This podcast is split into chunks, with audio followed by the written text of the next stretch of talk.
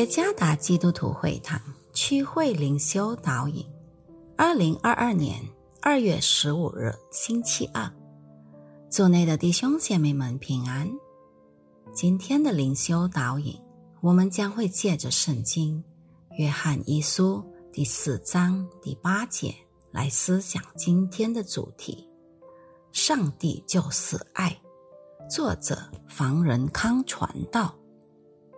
约翰一书第四章第八节：没有爱心的就不认识神，因为神就是爱。丽塔是位寡妇，自从被已故的丈夫遗弃后，她不得不为了养活和抚养五个孩子而奋斗。她每天都打零工，做任何可以为家人谋生的工作。他爱他的孩子们，并希望他的牺牲能够给他们灌输良好的道德价值观，孝顺父母，并希望他们能拥有更美好的未来。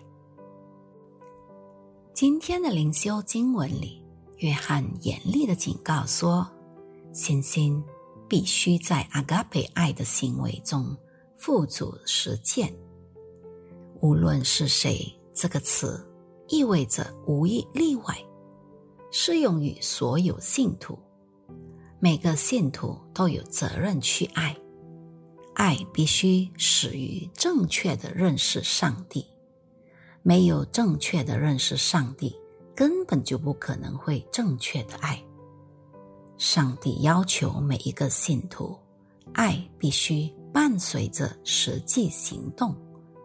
爱的行动证明了对上帝深刻的认识。没有正确的认识上帝，根本也不可能会真诚的爱。拥有正确的认识，将使一个人通过爱的行动达到上帝理想中的标准。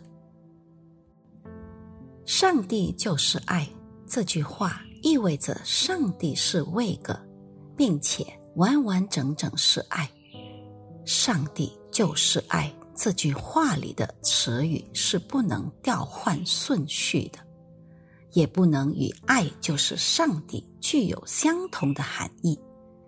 上帝就是爱，明确的阐明爱与它的本质是形影不离的。这种爱的存在，并非始于做某事的时候。而是已经存在于永恒之中，与上帝密不可分。